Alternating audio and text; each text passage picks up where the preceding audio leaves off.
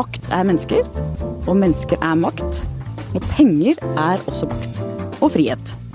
Den som har mye penger, kan velge å bruke dem til å prøve å gjøre verden til et litt bedre sted. Johan H. Andresen, eier og styreleder i Ferd, tobakksarving og sosial gründer. Velkommen hit. Takk skal du ha. Din formue hviler på tobakk, noe av det mest helseskadelige vanlige folk kan drive med. Det skal vi komme tilbake til. Men først. Du er en rik mann som bruker tid og penger på å hjelpe mennesker som av ulike årsaker har falt utenfor samfunnet. Fortell om det. Oi. Øh, ja, uh, hvor lang tid tar vi? um, ja, det er jo egentlig såpass enkelt at mange av disse menneskene har behov for en ny mulighet. ofte i form av en tillitsperson, ofte en voksen person. Vi jobber mest med unge, eller våre sosiale entreprenører. Og så får de en, eh, en, ny mulighet til å forstå hvem de er, hva de kan, hvor de eventuelt kan gå. Um, og så tar de den i veldig høy grad. Uh, I høyere grad enn vi nok ser på en del andre tiltak fra det offentliges side. Så dette er veldig sånn målrettede tiltak mot visse typer barn og unge som sliter. Eh, enten pga. sosialt forhold i hjemmet, pga. rus, pga. Eh, ja, mental helsesituasjon. Det er selvskading og det er alt mulig rart. Schizofreni og de, fleste har en haug av diagnoser.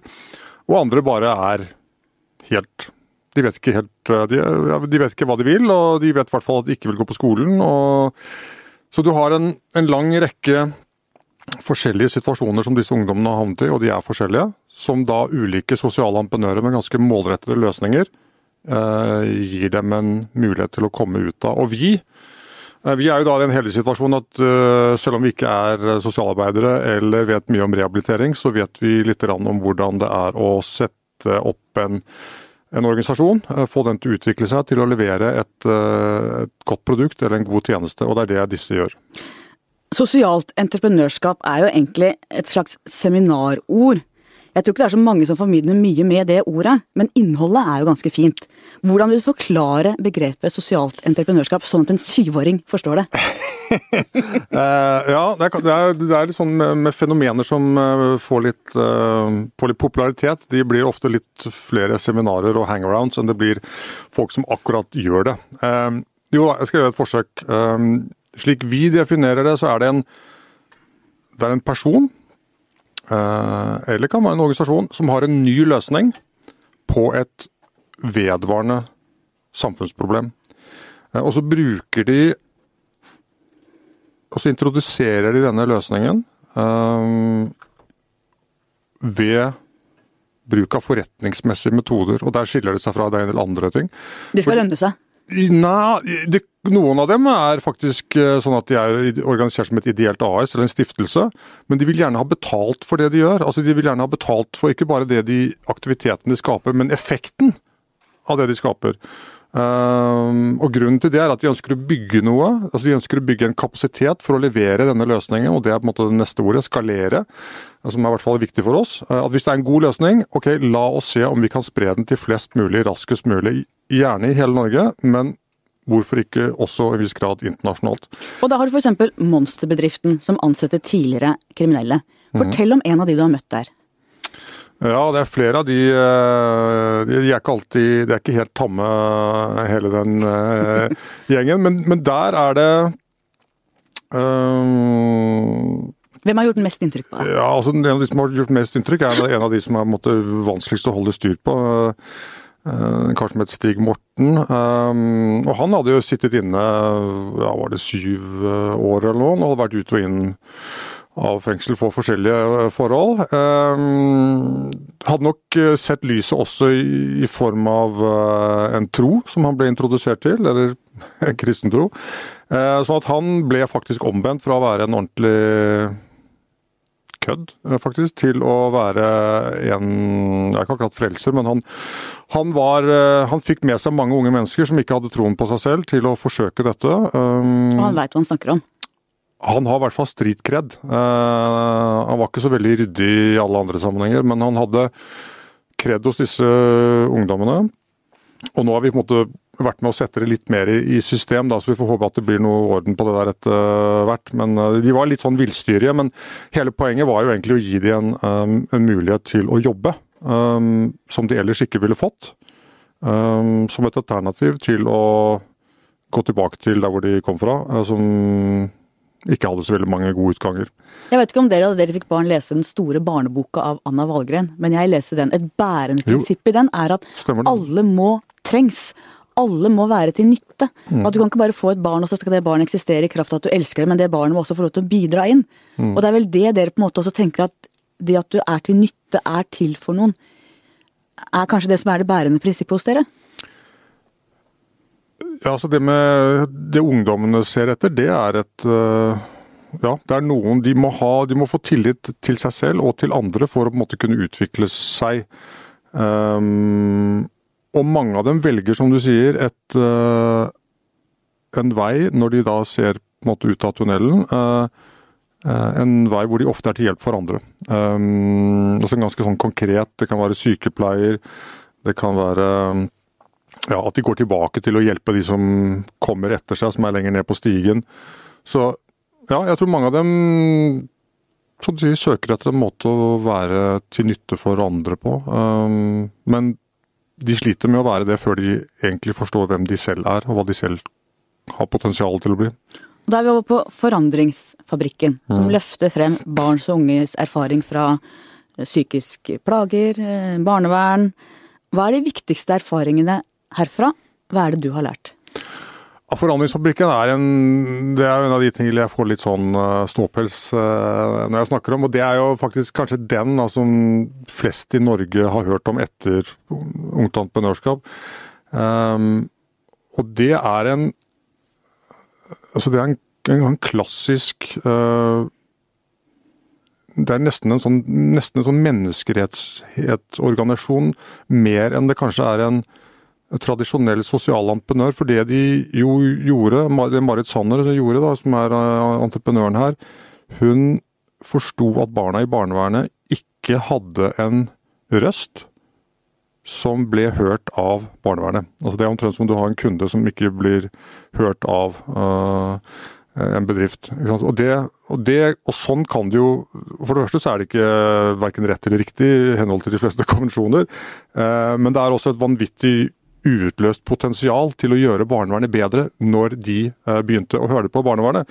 Så det hun rett og slett gjorde, det var å arrangere møtesplasser mellom disse barna, eh, ungdommene, og eh, først barnevernet, og etter hvert som nå har hun nå gått videre til politiet, psykisk helse og skole, og også Nav, faktisk. Slik at disse som relaterer seg til barnet, skal forstå hvordan barna opplever det å møte de offentlige, som ikke da er uh, deres foreldre, og, som kunne vært de tillitspersonene som de kanskje i mange grader savnet. Uh, og dette har vært en De har vært på en sånn vekkelsestur rundt i hele Norge, og jeg tror de har uh, jeg tror de har endret For det første har de endret barnevernets syn på seg selv og hva de skal være. Og de har jo endret uh, den nye barnevernsloven, som nå er vel ute på, på høring. Um, hvor de er vel nevnt 32 ganger eller 24 ganger i, i forarbeidet. Sånn at uh, dette har vært en, uh, en for, for, oss også en helt ny måte å, å se en verdi i barnas røst. Um, de har jo vært stemmeløse, de har vært helt stemmeløse egentlig. Ja, um, det har, vært, det har vært de voksne og de og litt sånn formynderiske her som Uh, med sikkert med gode intensjoner på mange måter, men som har gjort at barna rett og slett ikke um, har blitt hørt. Og det er sånne, sånne pussigheter. ikke sant? Seks av ti søsken blir skilt når de blir tatt hånd om av barnevernet. Du kan tenke deg den stressituasjonen de allerede er i. Var, jeg, jeg, tror ikke barnevernet var klar over det. Hva er forklaringen på det? Ja, Det er rett og slett for det er, så, det er kanskje ikke nok eh, institusjoner eller fosterhjem som vil ta begge. ikke sant? Det er kanskje de har forskjellig alder, eller forskjellig kjønn, så det, liksom, det passer liksom ikke inn. Uh, men av og til må du måtte bare få en uh, hva heter det, sånn round peg into a square hole, eller omvendt. det er kanskje viktigere at søsknene får henge sammen, enn at de liksom passer inn i det offentliges program. Inn i boksene. Ja, um, også dette er ikke altså, Vær så snill, hvis uh, dere kommer og henter oss midt på natten, ikke kommer politi. Og hvis dere insisterer på å komme politi, ikke la de være uniformert. For det er noe med den der, Både den der redselen, men også den der settingen som det skaper i, uh, i hjemmet og i nabolaget. Den der stressituasjonen. Som de, hvorfor, liksom, hvorfor gjør det? Liksom, det er jo også unødvendig. Hva har du lært om Norge gjennom ditt arbeid i Forandringsfabrikken? Um, ja, jeg har lært at velferdssamfunnet, eller velferdsstaten kanskje, er veldig godt organisert for de som For de som trenger det, men kanskje ikke spisset nok for de som trenger det aller mest. Uh, slik at Hvis du tenker deg sånn der Gaus-kurve som vi hadde om på skolen Forklar hva det er. Ja, det er denne normalfordelingen. ikke sant? De fleste av oss da er på en måte, vi vokser opp i ordnede, mer eller mindre ordnede hjem og er, er friske og har foreldre som uh, arbeider. og ja, Vi klarer oss sånn rimelig bra, og vi blir ikke dannet og ikke utsatt for noe forskjellige ting. Men så er det de som, som da på en måte blir veldig kommer veldig skjevt ut, uh, og stort sett er ikke nødvendigvis deres egen uh, feil, som da trenger spesielle tiltak, de havner i en sånn hale. Og de og velferdsstaten er ikke veldig flink til å lage løsninger for de barna eller ungdommene som havner ute i, i den halen. Uh, og det har jeg lært at uh, hvis vi skal på en måte bidra til at de kommer med, så må vi komme opp med noe nytt. Vi kan ikke bare gjøre det samme om igjen og om igjen og tro på at uh, det virker. Det er som definisjonen på galskap, selv i en velferdsstat. slik at innovasjon, entreprenørskap, er viktig. Og man kan ikke forutsette at en, en velferdsstat er entreprenøriell, at den er innovativ i seg selv. Den er på en måte ikke satt opp for det. Man har ikke rekruttert for det. Man, ikke, man kan ha et ønske om å ta risiko i seg selv for det. Sånn at det er ikke mm, Og jeg tror de fleste, både de som sitter i Både politikere og de som sitter etter hvert som sitter i etatene, forstår at ja, vi vil gjerne ha nye løsninger, kom og vis oss det. Um, og så spørs det om vi da på en måte klarer å finne en modell som gjør at vi får introdusert det, og at disse sosialentreprenørene får betalt for den jobben de gjør, rett og slett. Og hva har du lært om deg selv gjennom Forandringsfabrikken? Eh, jeg har jo møtt en del av disse eh, ungdommene, og eh, jeg tror jeg hadde et litt sånn Jeg hadde nok et inntrykk av ungdommene, og sånn sett et inntrykk av mitt, hvordan jeg så på ungdommene, som litt sånn ikke stakkarslige, men liksom, de var nedkjørt og de, var liksom, de hadde det fælt. og ja, Vi skal liksom vi skal klappe dem med hårs og liksom Vi skal ta vare på dem, liksom. Men de vil ikke bli tatt vare på, de vil jo videre. ikke sant? Og de er, mange av dem er jo um, De er jo sterke. og de er jo over, altså det, er, det er de som overlevde. Løvetannbarna. Ja, ja, riktig. Og det er de som, og de er ikke, men de er ikke enslige eh, løvetenner. Er, mange av dem er villige til å hjelpe andre også. Så det er liksom å gå, gå i hvert fall også, også min forhold til å se på disse som da havner utenfor, eller på en eller annen måte er trenger noe ekstra, at de er ikke i utgangspunktet øh, øh, Hva skal jeg si De har rettigheter, ja, men de har La oss se på potensialet de har, først og fremst. Du eh, ser etter styrken deres, egentlig? Ja, du ser, du ser styrken deres? Ja, du ser, ja, nemlig. Og så har du Fotballstiftelsen, da. Uh, hvor rusfrie folk har kommet i arbeid og fått gode liv. Fortell om deg og fotballen. Hva skjedde? Ja, Fotballen den er, den er kanskje den er enda mer spesiell på den måten at den det var på en måte inngangen min til sosialt entreprenørskap. Jeg traff en kar i, eh, i, eh, Davos, hvor jeg skal en, eh, snart, som heter Mel Young, som startet Homeless World Cup. Som da var en, og er en organisasjon som lager fotballaktiviteter, lag. og arrangerer da en fotball-VM i fotball årlig for hjemløse, eller folk som ikke har fast bopel. Uh, hvorav en del da, og i hvert fall sånn som det er satt opp i Norge, hvor mange av dem da gjennom den fotballstiftelsen kommer fra en rusbakgrunn, eller er i en russituasjon. Så når da det ringte en kar fra Vi traff hverandre på ja, TV 2, tror jeg. Uh, vi var i en studio ved siden av hverandre, så sa han vi skal starte opp i Fredrikstad. Og vi har alt på plass. Trenere, stadion, ordfører, hele smæla. Vi trenger bare noen penger for å på en måte finansiere dette opp så vi kommer av gårde. Og det er jo veldig sjelden at jeg syns at det er på en måte tillitsvekkende, liksom bare sånn uten noe annen innledning. Men jeg kjente konseptet, og jeg var helt sikker på at det kom til å fungere. Uh, I tillegg så har de jo Fotball-Norge og lagene i uh, Tippeligaen og Obos-ligaen som De trenger jo litt et, et litt utvidet uh, eksistensgrunnlag, men jeg, altså, da tenker jeg ikke på penger, men på verdier. verdier. sånn at jeg trodde at dette ville være innertier for dem, at de ville omfavne det. Og det har de også til en ganske stor grad gjort. Men dette betyr jo ikke at folk blir rusfrie, men det betyr at du har én mulighet til som har noen andre sider ved seg som andre tiltak uh, ikke har. Nemlig det har en, du, du, har en, du har en lagspillfunksjon som bygger opp en slags forventning om at svarte nå møtte ikke han på trening igjen, nå er vi liksom, nå er vi, bare, nå er ikke nok her til å liksom spille øh, five-side engang. Du bygger opp en forventning om at jeg er ønsket et sted. Det er noen som håper at jeg kommer, og at jeg er rusfri når jeg kommer dit, så da får jeg spille. Uh, når jeg kommer dit, så får jeg frokost. Uh, jeg får en dusj. Uh, og jeg føler meg egentlig litt bedre, faktisk. selv om jeg kanskje kommer til å ruse meg i overmorgen likevel. Så lærer du å stole på folk, kanskje? Ja.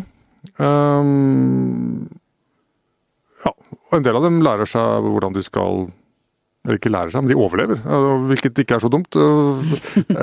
Eh, så det er, ikke, det er ikke alle som kommer ut med, med fast jobb og, og får kontakt med barna sine igjen. Og, men noen gjør det. Noen gjør det. Um, og det er ikke Det som er krevende, at man vet jo ikke på forhånd at det virker. Man vet bare at hvis man ikke prøver, så virker det i hvert fall ikke. Lenge var du omtalt som Norges mest attraktive ungkar. En litt playboy skikkelse, fotomodell, med mye penger. Og det bildet stemmer jo dårlig overens med den mannen du er i dag. Var det bildet som var feil, eller var det et vendepunkt i livet ditt? Ja, Det var et bilde som var skapt av dere i media, tror jeg. Eh, okay. Nå hadde jeg vel på en måte vært litt med på det selv, i og med at uh, den lille modell, uh, den veldig korte modellkarrieren, den var jo sånn sett uh, frivillig. Så ja, man gjør jo noen litt sånn egosentriske ting når man er, man er ung, og er kanskje ute etter litt oppmerksomhet og anerkjennelse på andre måter enn det man ja, kom fra. Det var i hvert fall ikke familiær. um, men jeg tror uh, Da hadde jeg jo ikke funnet meg selv, så jeg hadde jo ikke gjort det jeg gjør uh, nå da. Men hvor kom det sosiale engasjementet hvor, hvor, startet det sosiale engasjementet ditt? Hva skjedde? Mm, ja, hva skjedde? Um, Altså, jeg tror nok eh, Jeg tror jeg kan takke mine foreldre og mine kollegaer, spesielt de som da var på um, tobakksfabrikken, at man, man, tok vare på hverandre. Uh, slik at det der med å, å, ha en bevissthet om at hvis man er i en situasjon som jeg da både var og er i, uh, født med ikke bare et sølvbestikk, men kanskje sølvskje, men en hel bestikk i, i, kjeften. Så har du på en måte muligheter til å gjøre noe, og da er det som spørsmål om ok, hvilken, hvilken retning uh, tar du den muligheten? Um, og man kan jo gjøre veldig mye bra bare ved å drive en god bedrift, ta vare på gi sine ansatte muligheter og, og, finne på nye ting og sånn. Men um, det var noe med at jeg følte nok at jeg var ikke Altså, jeg var på en måte ikke den perfekte bedriftsleder. altså Jeg var ikke den der eh, støpeskjeen fra Jeg har jo på en måte gått uh, runden da liksom til på college og business school og alt det der, men altså, sannsynligheten for at jeg skulle være en veldig god bedriftsleder, uh, og i hvert fall være kvalifisert til å overta en så stor bedrift, um, det, den sannsynligheten var ganske liten. Så jeg følte at jeg måtte finne noe jeg var god på. og litt tilbake til, liksom, Hva er det hvor er jeg nyttig, eller ekstra nyttig? Eh, komparativt mer nyttig enn en andre. Eh, og det fant jeg da gjennom å være litt eh, kreativ, ta litt risiko som kanskje andre ikke vil ta. Få med mm, våre ansatte på å gjøre noe som ikke hadde vært gjort før. Så det er vel sånn ja, dette er på en måte min greie, da. Uh, hvis, hvis, jeg skal Det er din vei?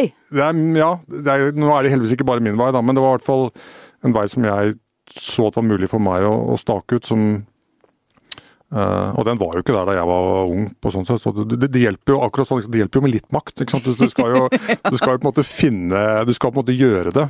ikke sant? Du skal sette ressursene bak det. Det er, det er ikke nok å liksom mene noe. Å vokse opp med mye penger og med vissheten om at du skal arve en formue, hvordan var det? Ja, altså Det vokste opp med så tidlig, så det var jo egentlig ikke Det føltes jo egentlig ikke noe, noe spesielt Eh, jeg vil ikke si belastende. Eh, Blir man litt redd for at det er pengene folk er ute etter? Blir det vanskeligere å stole på andre? Er det noen sånne sider ved det? Ja, tror, det, det, tror jeg kan være verre i dag, hvor måte, samfunnet er så gjennomsiktig og ja, jeg bodde ti år i utlandet, liksom, så det var ingen som visste hvem jeg var. Uh, dette var før uh, internett og Google, så det var, liksom, det var begrenset hvor lett det var å finne ut av det heller. Så sånn sett så var det nok en mer beskyttet tid. Så i den grad det var uttrykte forventninger, så kom de fra de ansatte om at liksom, ja, de så en del av sin trygghet, en del av sin fremtid, ved at det var neste generasjon som kom og tok, uh, tok vare på bedriften. Um, men ellers, sånn, ja, det kom jo litt sånn fra media etter hvert, men, men, da var jeg jo litt eldre. Og Hvordan er det å oppdra barn i dag da, til ansvarlighet, når de vet at penger aldri blir noe problem? Ja, det tror jeg er et eh, det, det tror jeg er en utfordring for foreldre, litt avhengig av Selv om de ikke har så mange nuller bak eh, navnet på ligningen sin som, som, det jeg har. Men er det et tema blant eh, foreldre som har mye penger? Ja. Og hva, hva snakker en, man om? Hva gjør man? Hvordan håndterer man det? Altså, det er jo forsøke å bidra til at, at barn og ungdommene tar Eh, tar fornuft, eller tar sunne valg, for, for gode verdier. At de går på vanlig skole mm, tror jeg er bra. Det, det, finnes mange bra privatskoler både i Norge og andre steder, men vi har da valgt, og mine foreldre valgte også, å gå på, jeg har på Russløkka og Hanskum og ja, ja, Hanskum er kanskje litt mer, men eh, Russløkka er i hvert fall Det er en sånn smeltedigel mellom øst og vest. Det var i hvert fall det den gangen. Uh, og Det tror jeg ikke noen av oss, i hvert fall ikke jeg, tok noe skade av. Snarere vært imot. Jeg fikk en litt sosial samvittighet der òg, faktisk. Hvor det var noen uh, som jeg husker ble mobbet, som jeg forsøkte å ta meg litt av. Men, men ja. Det er Jeg tror ikke det er noe, noe lett svar på det, men det er det å måtte ta i et tak og vise at, liksom, at, arbeid er en bra ting. Det er jo som å føle seg nyttig. og det er både en Du har både, nesten både en rett og en plikt til å bidra. Um, uansett hvilken situasjon man er i. Um, så, men det er klart at uh, det er uh, Ja, man må, man, må, man må, passe seg for at man ikke blir Det er liksom lett å si ja, ja, jeg vil sånt, uh, greit du får den kjolen, eller liksom Ja, ja, du bør ikke Jeg fikser det sjæl, ikke sant. Ikke sant? Det er Så ja, nei, Jeg har ikke noe godt svar på det. det er vel, jeg tror det er min største utfordring, men det er, den, det er også en utfordring jeg deler med veldig mange andre. Da. Menn er jo rikere enn kvinner over hele verden. Eh, blant superrike overalt så finner vi stort sett menn. Men i Norge er det nå flere døtre som arver.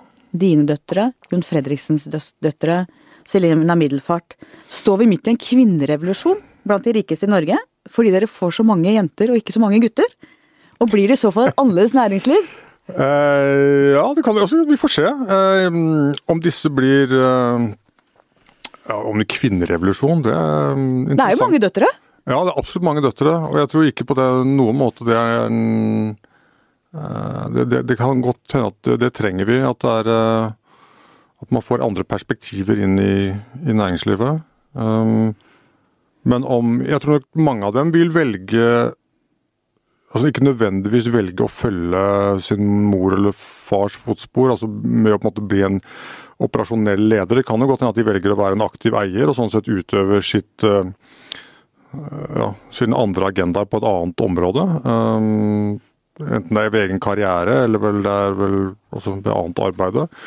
Så Ehm, jeg tror det er litt for tidlig å si om det på en måte blir noe sånn der, om dette blir noe om det blir noen store endringer av det. Men, men, det er interessante perspektiver. Jeg tror nok de Jeg vet de Mine jenter snakker sammen med andre jenter som er i, i samme situasjon, eller lignende. Um, og de deler både tanker og bekymringer som er kanskje er litt annerledes enn gutta sine. Um, så um, Men kanskje de har noen fortrinn også som vi får, kan glede oss til. Det blir spennende å følge. Ja. Min favorittkommentator i New York Times, Maureen Dowd, hun er veldig opptatt av forholdet far-sønn. Hun snakker om George Bush jr., som i hvert fall skulle ha to perioder, siden George Bush senior fikk bare én. Han skulle inn og ta Saddam Hussein Ja, fordi at bra. far ikke gjorde det. Og hun er opptatt av eh, Donald Trump og faren. Faren var veldig autoritær. Du har tidligere beskrevet din farfar som en ganske komplisert fyr. Han satt i krigsfangenskap på Grini under krigen. Eh, Hvordan tror du det preget faren din? Eh, Jeg tror det preget han mye. Det hadde preget han vel i den grad at han egentlig ikke hadde en drøm om å overta bedriften. Han hadde en drøm om å bli yrkesoffiser. Eh, Men den fikk han jo aldri realisert, fordi hans far, altså min farfar, døde eh, ganske tidlig etter krigen. Eh, Og jeg tror på en måte altså krigen var, Den generasjonen de hadde et komplisert forhold til sine foreldre, som var under, delvis under et betydelig stress. og hadde nok hatt en veldig altså Farfar hadde en, fantastisk reise før krigen og fikk på en måte en, eh, en, jeg, en psykisk knekk som måtte eh, kaste en skygge over, eh, over, over, over familien. Så, så det var nok med stor grad av plikt Ikke pliktskyld, men altså stor grad av pliktfølelse som min far overtok. Mye mer enn det det var mm, da jeg valgte å, å ta over. Så, Hvordan preget det forholdet til deg og faren din? Dere to imellom? Uh, ja, altså det, sånn i, det tror jeg er noe man kan uh, lære seg at uh, barn må, må stille flere spørsmål til sine foreldre om den tiden da de var unge. Eh, for det er ikke nødvendigvis, eller det var i hvert fall ikke naturlig alltid for dem å snakke om det. Så hvis jeg på en måte har noen sånne ting jeg på en måte er litt sånn lei meg for, så er det på en måte å spørre den generasjonen om hva tenkte de, hva sa de, hvorfor gjorde de sånn, og hva trodde du om det, og, og sånn. Eh, Så at det var Man kunne få han litt på glid, men det var nok for lite si, erfaringsoverføring, altså utover det sånn faglige og økonomiske, men det er rent sånn følelsesmessig. Så den og klart Det er vi i ferd med å miste nå, så nå haster det litt med den generasjonen å få si, tømt den. Jeg har også tenkt at jeg bør sette meg ned med faren min med en tape-recorder Ja, ja, og ja, spørre. gjør det. Var du nær faren din? Ja, vi var nære på de delene som måtte hadde med forretningen og jakt og fiske. Men jeg kan ikke si at det var noen jeg sånn betrodde meg til, eller Det var først i de senere tid at vi måtte kunne ha litt mer eh, sånn, intellektuelle samtaler om, om, om løst og fast. Han, han var nok en litt sånn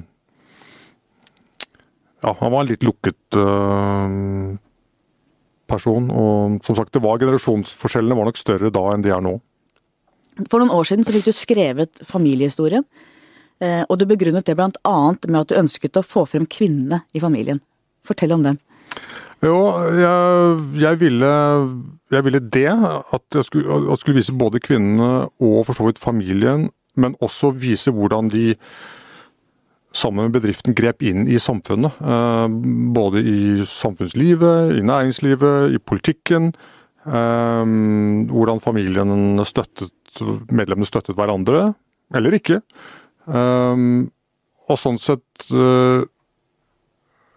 på en måte ta litt fokus vekk, selv om farfar var på en måte en, en unik person og på en måte var den som måte gjorde firmaet på mange måter, så er det um, ofte flere familiemedlemmer som, som interagerer og sånn sett gir en, en styring eller en i hvert fall skaper et fotavtrykk da, i, i, uh, i samfunnet. Så jeg syns det ble litt for snevert med en sånn biografisk greie eller en bedriftshistorie. Så var det derfor jeg ga oppdrag om at liksom, skriv noe som er litt ja, som viser hva ja, kanskje hva vi har betydd. da. Eh, Det, det fikk jo han professoren finne ut sjøl, men eh, eh, Nei, så Sånn sett så tror jeg det fikk en litt bredere appell enn en, en vanlig historiefortelling. Og hvem var de kuleste damene?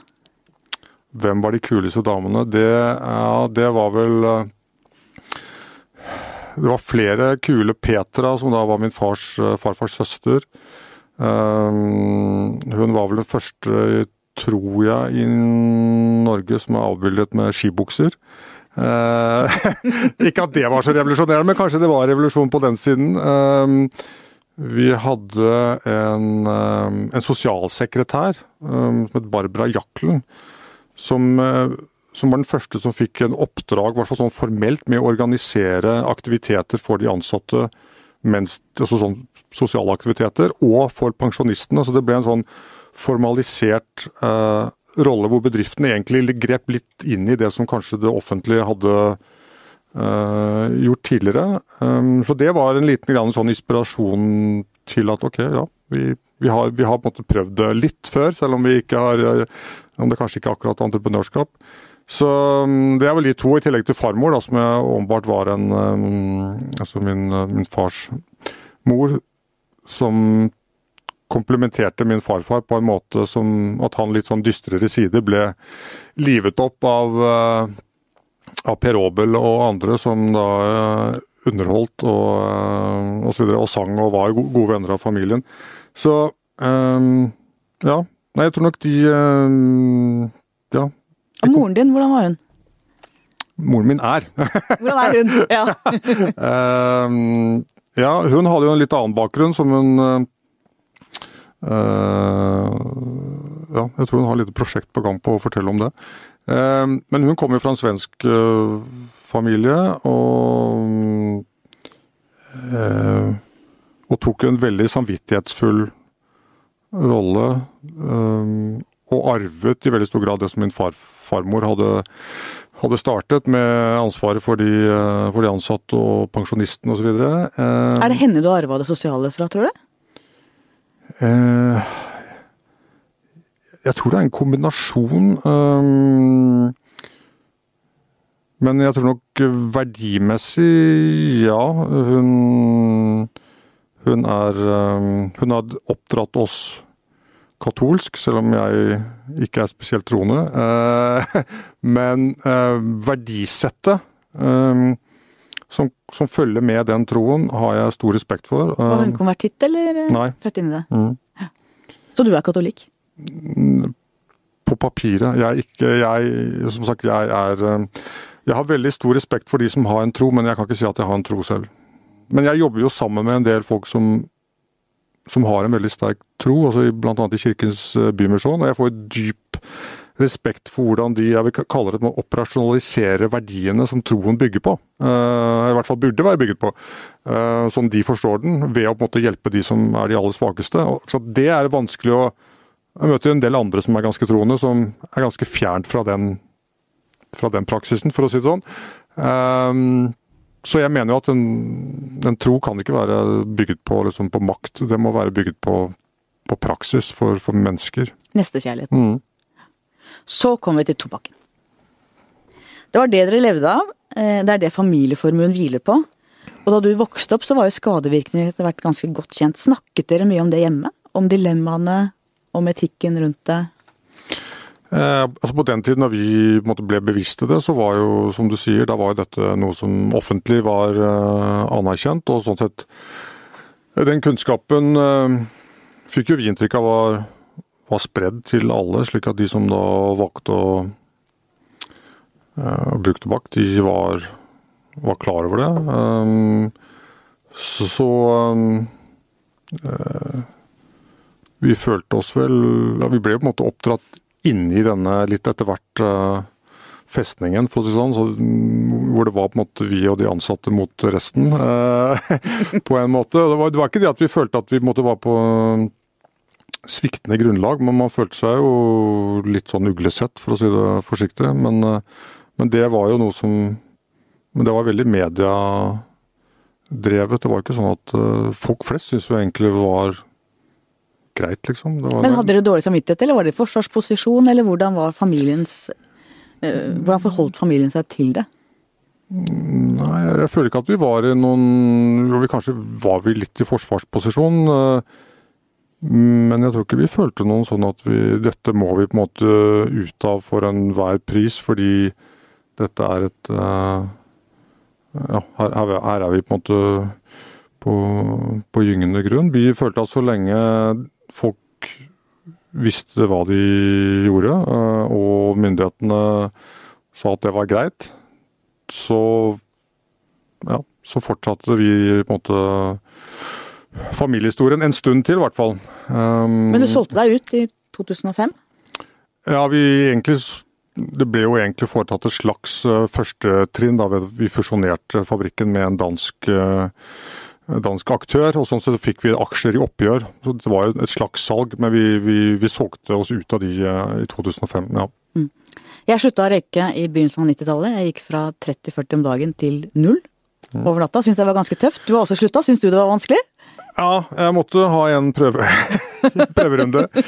Erna Solberg har vært der, og hun, sa, hun har slutta mange ganger. Hun sier det er ikke noe vanskelig å slutte å røyke, det vanskelige er å ikke begynne igjen. Ja, men det tror jeg de fleste Men jeg må det, jeg innrømmer at jeg savner Apropos du nevner Erna, altså vi hadde noen utrolig morsomme diskusjoner.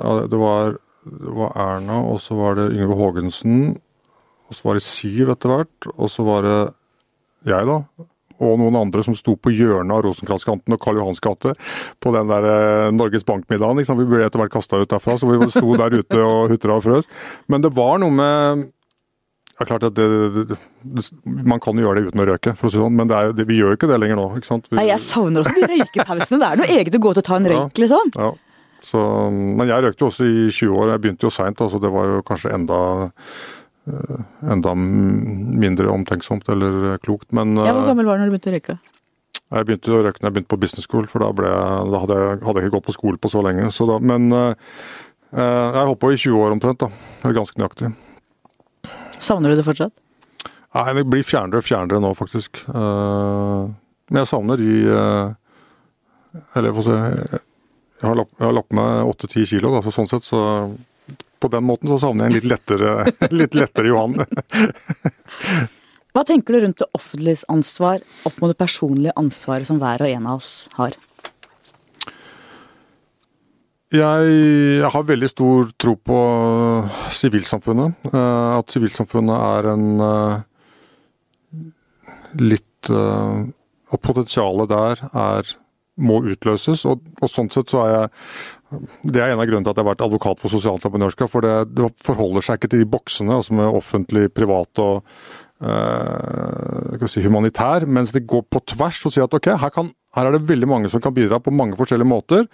Og hvilken boks eh, du har en løsning for, det er egentlig Det gir vi beng i. La oss liksom La oss prøve, og la oss om vi kan gjøre en forskjell her. Og Sånn sett så mener jeg at alle kan egentlig melde seg på. Um, og bidra med det de er gode på. Så sånn sett så Og det, og det mener jeg er, er, en av styrkene i det norske samfunn. At her er det faktisk mange av oss som har, har gode forutsetninger for um, å bidra på andre områder enn det vi enn det offentlige forventer at vi skal gjøre. Det er vel kanskje ingen uh, altså Hvis du ser på de uh, utmerkelsene som folk får, så er det jo liksom for at de har gitt uh, en kunstsamling, eller de har bidratt til en eller annen utsmykking, eller et eller annet sånt. Det er jo ingen som får noen stor anerkjennelse for fordi de har aktivt gått inn og endret noe på et område som er utenfor deres eget, og gjerne da som egentlig kanskje er et offentlig ansvar. Så sånn sett, Og der tror jeg det er flere som kan kjenne sin besøkelsestid, og jeg tror at istedenfor å bare stemme A, B eller C, så kanskje man kan gå ut og gjøre noe for å bevise, eller vise at man eh, Ja, det fins måter å engasjere seg på, uh, annet enn å sende en tweet eller en uh, debattinnlegg. Man kan faktisk, faktisk, gjøre noe helt fysisk på bakken, og kanskje bare møte én ungdom og bety noe for den. Det er en bra start. Vi står midt i en urolig tid. Stikkord her er Donald Trump, brexit, Le Pen. Hvordan forklarer du de fenomenene? Oi. Uh, ja, jeg tror man, man, kan Det har vært forsøkt å forklare det ved at, at globaliseringen har uh, utelatt noen. Og det er for så vidt uh, riktig at det er mange som har fått si, De har mistet utviklingen i kjøpekraften sin. Um, men de har allikevel i veldig stor grad, større grad enn vi trodde, kanskje beholdt eh, jobbene sine. Eh, men de har ikke kunnet eh, gi barna sine en bedre mulighet enn det de selv hadde. Og Der tror jeg ligger noe av utfordringen. både De så tidlige tegn på det både i UK og i USA. De to kurvene som skiller lag, så er det på en måte kjøpekraft på den ene siden, som er nesten helt i vater. Og så er det um, kostnaden ved å sende barn på college, som bare går rett i været. Uh, og klart at mellom der ligger egentlig den Kall den, kall den amerikanske drømmen, kall det drømmen for neste generasjon. Uh, og Hvis du ikke klarer å bygge si, en bro eller fylle opp mellom de to ved gode ordninger på en eller annen måte, så er du Da mister den foreldregenerasjonen, som, som i veldig stor grad var de som um, stemte, i hvert fall i, for brexit, i hvert fall på landsbygda, um, stemte for noe annet uh, enn det de kjente. For det er ganske skummelt når, nettopp som du sier, mm. når barna kan få det dårligere enn foreldrene. For det har jo vært helt motsatt utvikling ja, hele veien. Nesten, jeg nesten, Så langt vi kan huske, egentlig, så er det, det kanskje den første generasjonen som i hvert fall tenker, de tenker at det kan bli sånn.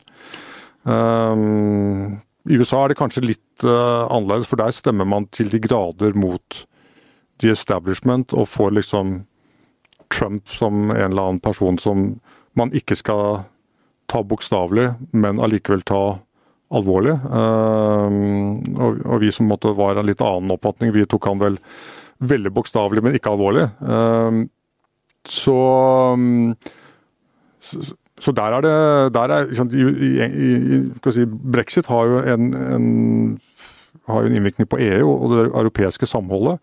Uh, Trump var muligens en, uh, en, destabiliserende faktor på hele ja, I verste fall på, på, verdensfreden, men kanskje til å begynne med på, på handel uh, og omkvem. måten man måtte snakke med hverandre på. er jo jeg er på Twitter, ja, altså, men er, han er på, på, Twitter på en litt annen måte, for å si det sånn. ja, heldigvis. Men hvis vi går til vår egen by, Oslo, mm. som er en delt by på mange måter.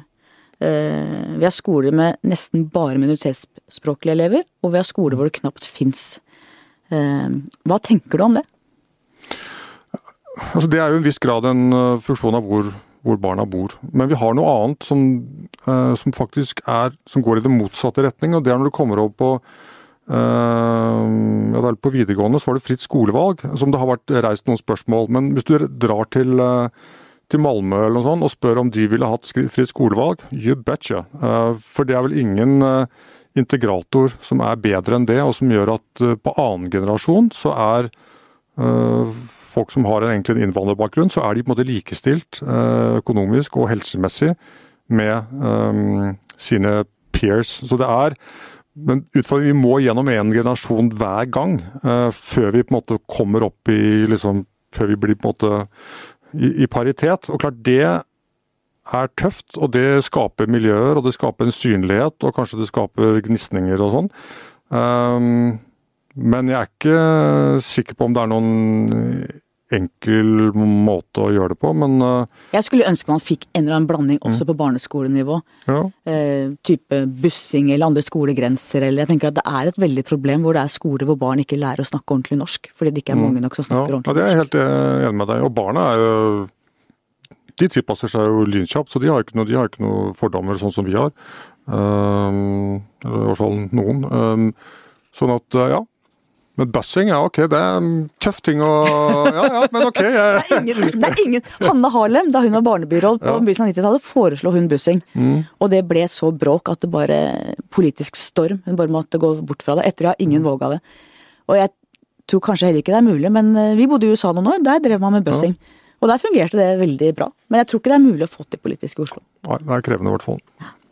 Eh, når det gjelder integrering, så har du bl.a. foreslått eh, etterutdanning av politifolk. Eh, at eh, de kan finne ut hvordan de kan foreslå tilbud til særlig gutter med innvandrerbakgrunn som er i ferd med å falle utenfor. Er det et forslag som har fått gjennomslag? Å, jeg har foreslått så mye. Nå har du, googla fælt her.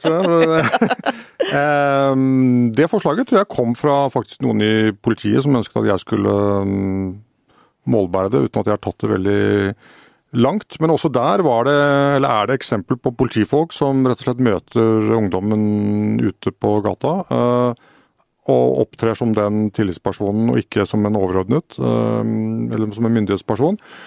Eh, så ja, jeg foreslo vel da egentlig at dette var noe de kunne lære seg på Politihøgskolen. Altså det er rett og slett, Jeg mener at det er en del holdninger man faktisk kan lære seg. Enten de er entreprenørielle eller det er det å omgås folk, for å si det sånn. Ehm, så det kan man like å ta inn som et, eh, Jeg vet ikke om det er et fag å omgås folk, men, men, uh, men, men, det er noe politiet burde lære seg, helt fra starten. Jeg, ser, jeg er fra Manglerud, uh, mm. og der Manglerud politistasjon er kanskje den politistasjonen i Norge som er best på forebygging. Ja, ja. Best på både å løse problemer når folk, folk har falt utenfor, men mm. også forebygging. Og jeg tenker at Der tror jeg mange har mye å lære. Absolutt.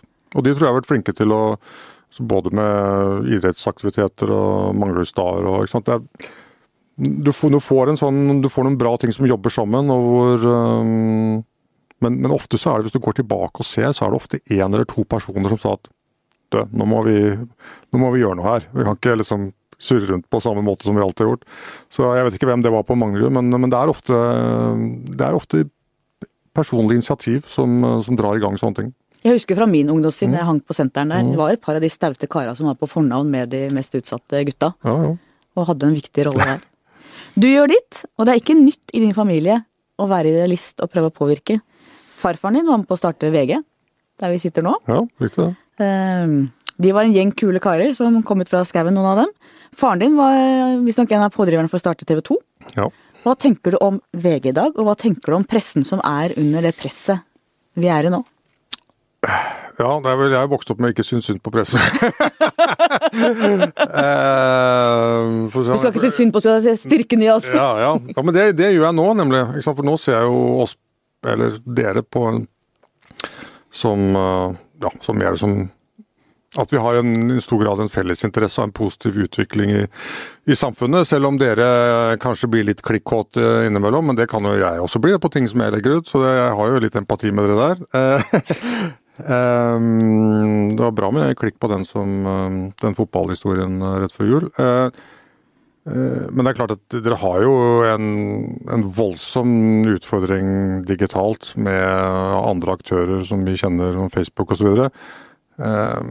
Ja, så det, det må, Nå har jo Skipte vært flinke til å ta en del, og dere også, VG, til å ta en del kloke valg i forkant av at man blir på en måte ytterst presset. Nå tenker jeg også i forhold til falske nyheter, oh, ja. spinn, alt dette vi har sett som er altså troverdigheten mm. og mm. vår plass i demokratiet. Jeg mener at jeg er veldig, veldig bekymra. Ja. Ser at det er Hvis ikke pressen fungerer, så er det veldig lite som fungerer. Ja, jeg tror de stemmene som Altså ikke som er igjen, men de som hvis vi på en måte nå utdanner nye journalister eller uh, reportere, hvis eneste formål er på en måte å, å tekkes uh, de som teller klikk, eller uh, aksjonærene, så kan det bli veldig krevende å opprettholde liksom, den morale legitimiteten. Um, sånn at noen sånne bautaer og noen lys mm, må det være igjen. Og at Det at, det at redaksjonene og, og, styrene erkjenner at liksom uten det, så blir altså, Hvis alle blir Daily Mail, så er det på en måte lost. Da er vi, da er vi ferdig. Um, og da, da, hjelper det ikke med for, for, for, noen så spiller det ikke noen rolle om det er fake news eller ikke. ikke så lenge det liksom genererer interesse, så er det greit. Um, nei, så Dere har jo sånn sett blitt samfunnsoppgaven enda viktigere, for motkreftene er så sterke. Jeg kjenner veldig på det. Jeg mm. kjenner veldig på ansvaret mm. Eh, vi har, og syns det er uh, det er noen utfordringer der. Hvis ikke vi klarer å finne måter som en fri, mm. uavhengig og kritisk presse kan overleve, så er vi alle i trøbbel. Til slutt, mitt faste spørsmål. Hva skal bli historien om deg? Johan Andresen, det var han som Det er jo litt pretensiøst å si, men eh, det var han som ikke ventet på de sosiale reformene, men som bidro til at vi løste noen store samfunnsmessige sosiale problem fra grasrota og opp. Veldig bra. Tusen takk for at du kom. Takk skal du ha. Takk til deg som hørte på. Takk til vår faste produsent Magne Antonsen. Vi høres igjen neste uke.